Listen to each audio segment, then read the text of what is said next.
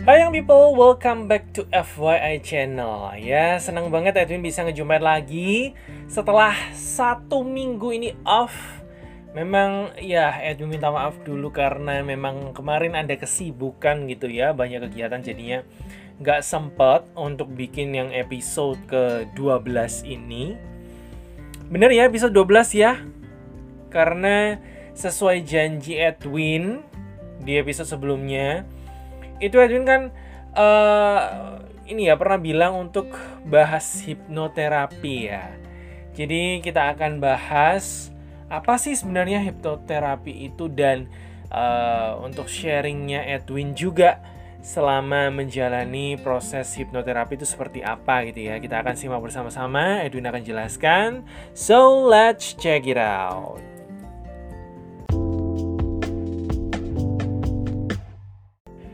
Jadi yang people, Edwin akan bahas dari teorinya dulu aja ya.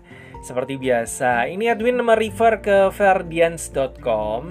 Dia mengatakan bahwa hipnoterapi adalah salah satu cara untuk mengatasi berbagai macam permasalahan psikologis atau psikoterapi dengan mengaplikasikan teknik hipnosis.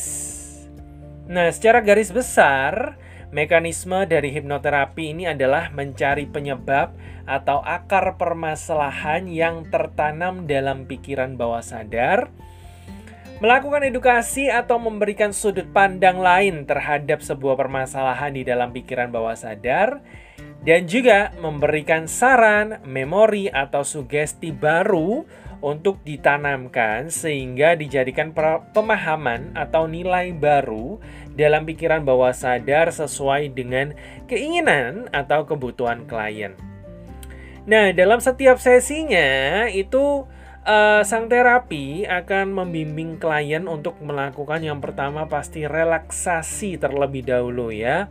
Kemudian dibuat seperti tertidur atau bahasa uh, psikologinya adalah hypnosis state. Kemudian uh, kondisi seperti tidur itu uh, dalam pikiran sadarnya masih ya conscious mind itu cenderung tidak aktif dan pikiran bawah sadar atau subconscious mindnya itu sangat terbuka dan sangat aktif. Setelah itu barulah terapik prosedur bisa dilakukan. Ini menurut penjelasan dari uh, verdians.com ya. Tapi memang uh, dia memberikan catatan juga bahwa tidak selamanya sesi hipnoterapi itu dilakukan saat klien dalam keadaan tidur atau hypnosis state. Karena dalam kasus-kasus tertentu, hipnoterapi itu dapat dilakukan dalam keadaan mata terbuka atau normal state atau dalam kata lain itu adalah waking hypnosis. Nah, tidur dalam hipnosis state bukan berarti hilang kesadaran atau hilang kendali karena walaupun klien telah memasuki hipnosis state, kali klien itu masih uh, memegang kendali atas dirinya. Klien masih bisa mengetahui serta mengingat apa yang terjadi selama sesi hipnoterapi berlangsung.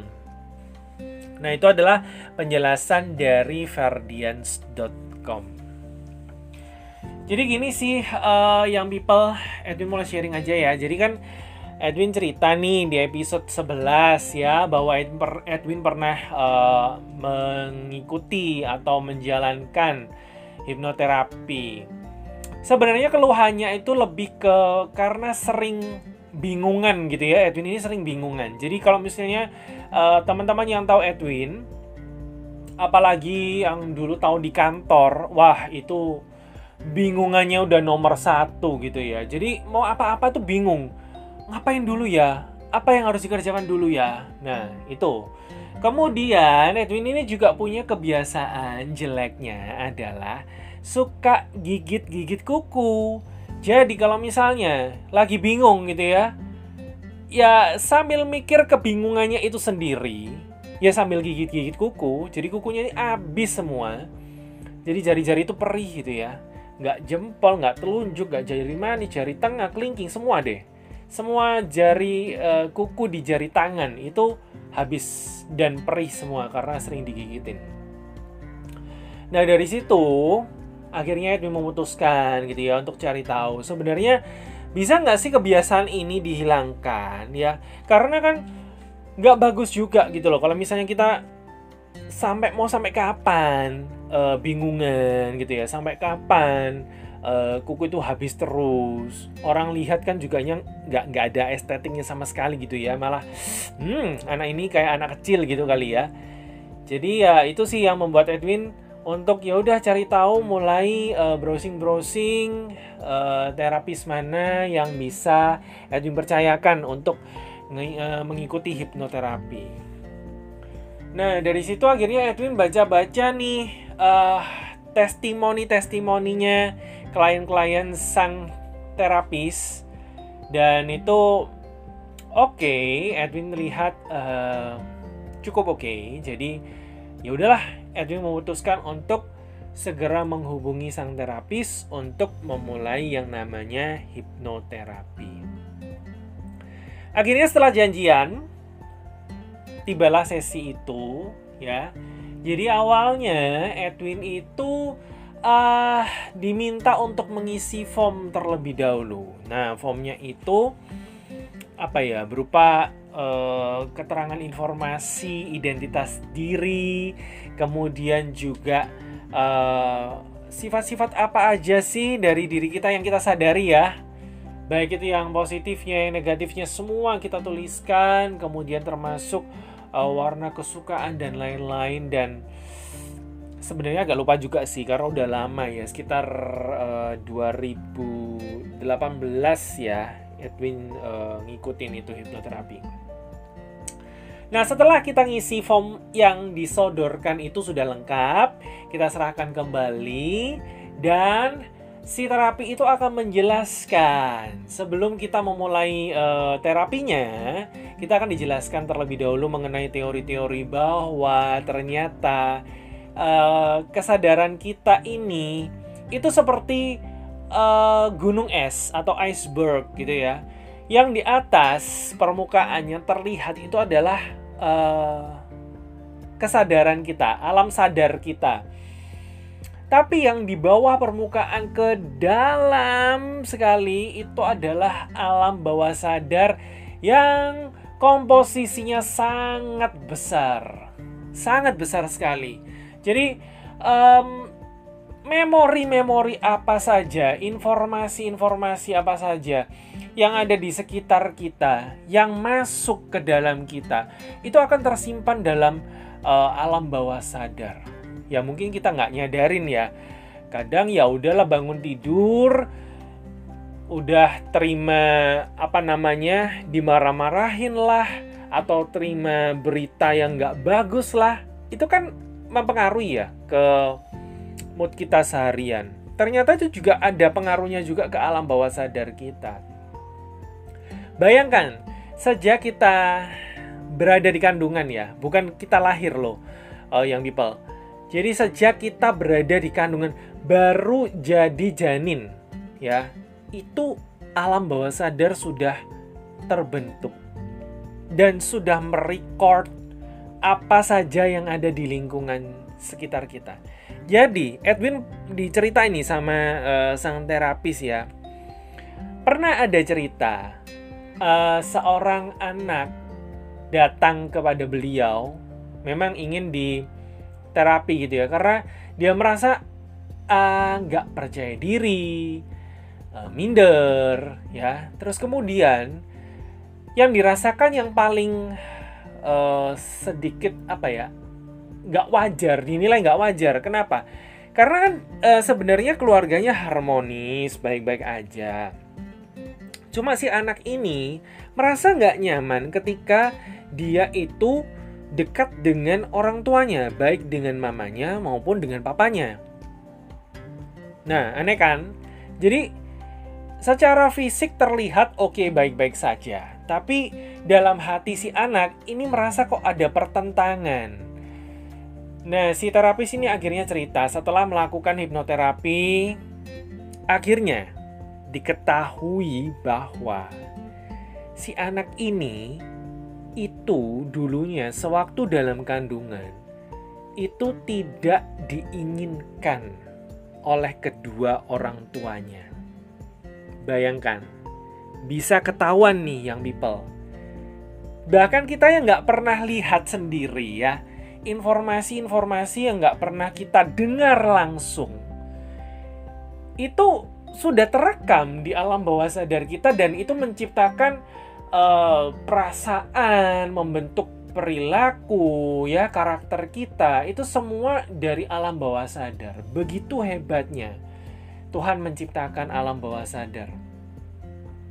Jadi memang uh, sejak janin terbentuk dalam kandungan ya itu nggak hanya kalau menurut dokter anak ya itu kan uh, seribu hari seribu hari sejak janin terbentuk kurang lebih itu berhentinya sampai ke umur 2 tahun setelah dilahirkan itu memang si bayi membutuhkan yang namanya nutrisi lah vitamin uh, zat besi uh, apa aja lah ya kandungan-kandungan yang memang diperlukan oleh tubuh untuk perkembangan juga sampai dewasa.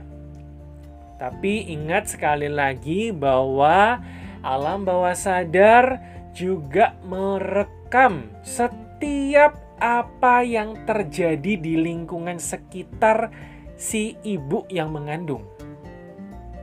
Segala ucapan dari sang ibu, ya mamanya yang mengandung atau papanya, itu semua akan masuk nih yang people. Jadi mungkin buat yang people yang sekarang ya uh, yang cewek lagi mengandung, buatlah kata-kata positif, kata-kata yang menyenangkan ya, yang bisa membentuk uh, perilaku anak ini menjadi baik ke depannya. Masukkan uh, apa namanya? Kalau kita bilang sugesti-sugesti yang positif gitu ya Nah, itu tadi ceritanya. Jadi setelah Edwin uh, dijelaskan teorinya, memang banyak sekali gitu ya di dalam alam bawah sadar kita. Itu termasuk ada kayak ruangan-ruangan uh, yang uh, dihuni oleh uh, ada apa ya PIC PIC khususnya tiap-tiap pos-posnya itu itu yang nanti akan mempengaruhi uh, perilaku kita, tindakan kita dan lain sebagainya. Nah, setelah dijelaskan teorinya semua dan memang ini adalah permintaan dari sang uh, klien sendiri gitu ya. Jadi jangan pernah melakukan hipnoterapi atas dasar suruhan orang lain. Karena dikatakan memang itu tingkat keberhasilannya akan sangat-sangat uh, apa ya bisa menurun gitulah ya sampai dinilai kurang berhasil karena keinginan kita itu juga akan membuka ya, membuka nanti nantinya waktu kita di terapi itu juga alam bawah sadarnya lebih welcome lagi untuk uh, ditarik informasinya. Seperti itu. Jadi setelah dijelaskan semuanya, isi formulir, beres semua, akhirnya kita memulai yang namanya sesi hipnoterapinya. Di situ Edwin posisinya duduk di sofa yang besar, yang nyaman, yang empuk gitu ya. Karena ini kan memang membutuhkan uh, apa ya, relax keadaan tubuh yang rileks, pikiran yang rileks, tenang, nggak ada suara. Jadi benar-benar kita nyaman, dibuat nyaman senyaman mungkin, tapi nggak sampai tidur ya. Kalau kalau biasanya kalau nyaman uh, ngantuk terus tidur ini nggak. Kita dibuat nggak tidur, terus uh, dibuat relax. Nanti kita akan dibimbing. Benar seperti yang teori tadi disampaikan oleh Ferdian.com tadi ya. Jadi memang kita akan dibawa menuju ke alam bawah sadar kita. Dengan uh, mata tertutup kita diarahkan mendengarkan panduan. Dan kalau kita merespon pun itu bukan respon jawaban dari mulut ya.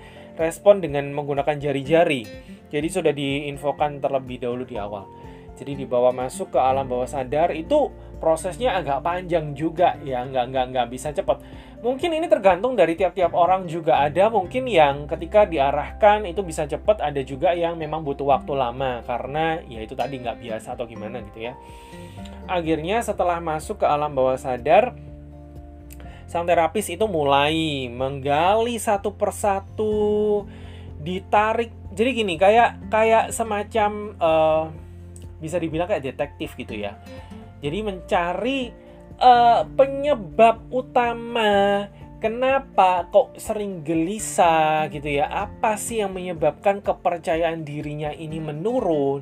Itu di flashback sampai ke tahun kita benar-benar di posisi posisi saat itu ya itu terjadinya gitu uh, kurang lebih seperti itu jadi kita di flashback ya misalnya uh, kita kejadiannya nih ya di kelas 1 SD misalnya ketika ditarik mundur itu baru sampai satu SMA nggak ketemu kan itu akan ditarik mundur lagi sampai uh, misalnya satu SMP, ditarik lagi sampai 3 SD.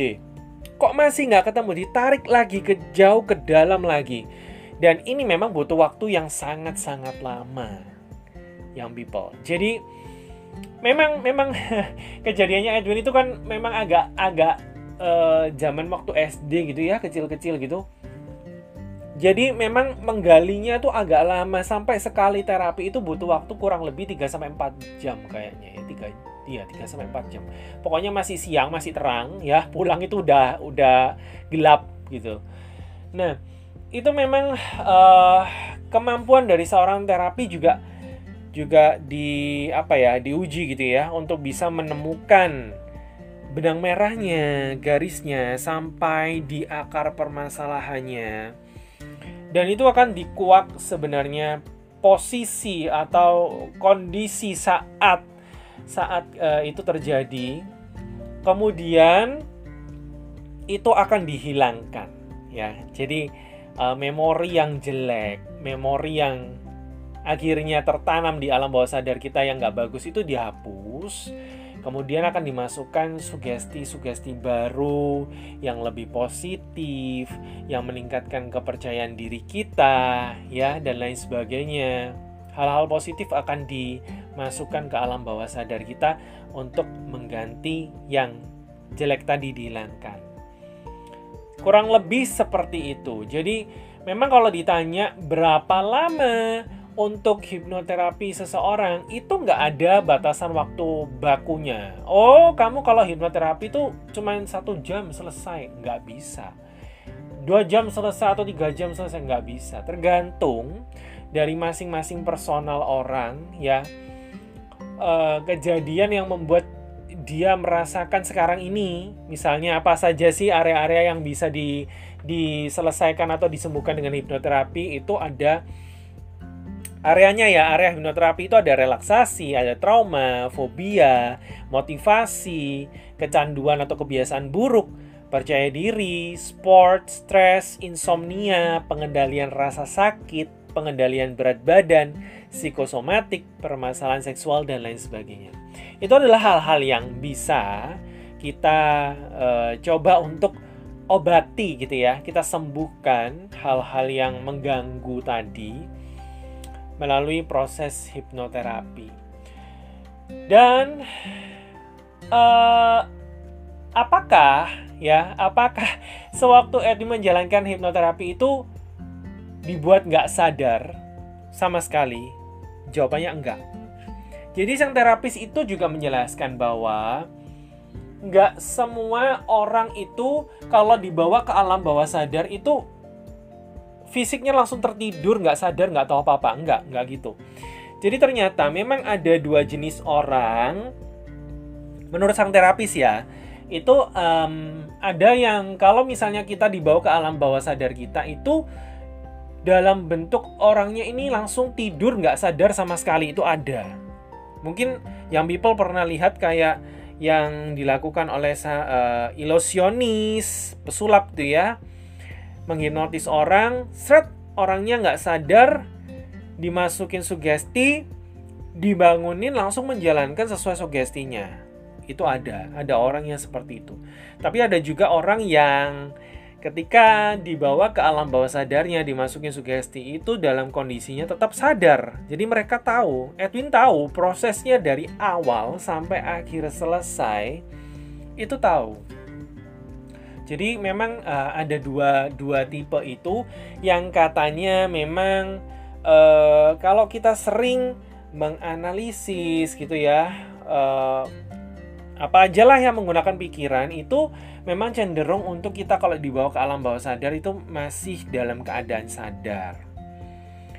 Dan beliau juga mencontohkan Edwin juga tanyakan ya, loh jadi gimana sih orang yang seperti apa yang uh, maksudnya yang nggak sadar itu loh kalau di hipnotis, hipnosis itu seperti apa? Jadi mereka yang uh, seperti para apa ya bisa nggak nggak nggak. Aduh susah juga mau ngomongnya. Uh, mereka yang nggak terlalu menggunakan logika berpikir lah kurang lebih begitu ya. Soalnya Edwin takut kalau ngomongnya nanti ini menyinggung. Jadi kurang menggunakan logika berpikir kurang menganalisis dan lain sebagainya. Nah itu mereka uh, atau pekerja fisik gitulah ya kas, uh, ceritanya. Itu bisa mereka bisa kalau di hipnosis jadi nggak sadar langsung. Bener-bener black out nggak tahu apa-apa. Sewaktu digali ke alam bawah sadarnya maupun dimasukin sugesti itu mereka nggak tahu apa-apa. Gitu itu perbedaannya sebenarnya sih ya kalau menurut Edwin sendiri Edwin sebenarnya lebih prefer sih yang kayak gitu tadi, yang yang bener-bener nggak tahu apa-apa. Kenapa? Karena capek. Jadi beneran kemarin yang yang waktu Edwin di terapi itu itu kan sekitar 3 sampai 4 jam ya. Itu keadaannya Edwin tahu loh dari awal sampai akhir dan memang lama, kerasanya lama gitu ya. Itu tahu dan kerasa. Jadi mendingan nggak kerasa sama sekali deh kalau menurut Edwin kalau misalnya waktunya lama gitu ya. Karena setelah setelah kita selesai prosesinya itu kita akan dibawa lagi ke alam sadar kita ya seperti normal. Kalau misalnya kita sudah bisa di posisi ini tolong gerakkan jari-jari Anda. Nah semacam itu. Itu nanti oh ini pertanda sudah balik ke alam sadarnya dan seketika itu juga Edwin merasakan pegal seluruh badan ya karena posisinya seperti itu nggak berubah sama sekali dalam waktu yang cukup lama 3 sampai 4 jam itu tadi. Itu dia. Untuk proses hipnoterapi. Dan kalau ditanya ada perubahan nggak Win? Oh ada jelas ya. Sampai sekarang Edwin nggak pernah yang namanya gigit-gigit kuku lagi. Kalau uh, bingung sih ya kalau misalnya dihadapkan dengan suatu pilihan pertanyaan gitu ya itu sekarang ya lumayan. Jawabnya bisa langsung. Kalau dulu itu mm, apa ya? Mm, mm, mm, nanti ya mm, tak pikir dulu ya gitu. Kalau sekarang udah lebih bisa untuk oke okay, aku mau ini mau itu jawab ini jawab itu juga juga bisa langsung gitu ya. Nggak nggak kayak dulu lagi. Jadi benar-benar uh, berubah sesuai dengan yang sudah disugestikan itu tadi kan selalu akan dibuang yang penyebabnya yang jelek itu dibuang diganti dengan sugesti baru positif yang lebih baik tentunya.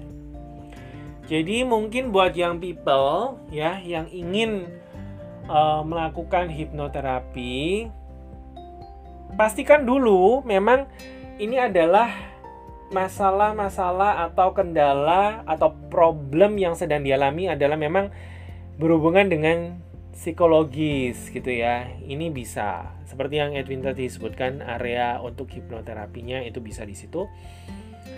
Uh, kemudian yang paling penting memang adalah dari kemauan diri kita sendiri. Jangan sampai ini adalah permintaan orang lain. Karena nanti kesulitan juga terapisnya mau membuka ya. Penyebabnya itu jadi nggak bisa kayak ketolak-tolak gitu kan. Karena sebenarnya kita kan tahu sewaktu di hipnoterapi itu kita tahu prosesnya dan kita masih bisa mengendalikan. Yang namanya ini informasi aku lepas atau enggak? Itu bisa sebenarnya katanya asal itu tadi. Kalau misalnya kita memang dari awal sudah berniat untuk oke okay, saya mau ikut hipnoterapi saya akan welcome. Jadi apa pun nanti diarahkan ikut yaitu nanti akan memudahkan sang, sang terapis juga untuk menggali sampai hal yang terdalam. Begitu cerita sharing Edwin untuk hipnoterapi ya. Semoga uh, sesi kali ini, episode kali ini bisa memberikan pencerahan kepada young people. Jadi nggak se menakutkan hal-hal yang kita bayangkan, ya semuanya berjalan dengan penuh kesadaran kok sebenarnya kita tahu proses-prosesnya ngapain aja ya. Yang penting kita tahu memang ini uh, keinginan kita sendiri. Kita juga ada keinginan untuk merubah kebiasaan jelek kita menjadi pribadi yang lebih baik lagi, well, nggak apa-apa, langsung aja di hipnoterapi. Dan yang paling penting pilih terapisnya yang oke okay ya. Karena ini kan berkaitan dengan memberikan sugesti yang positif, sugesti yang baik, supaya pribadi kita menjadi pribadi yang lebih baik pula tentunya.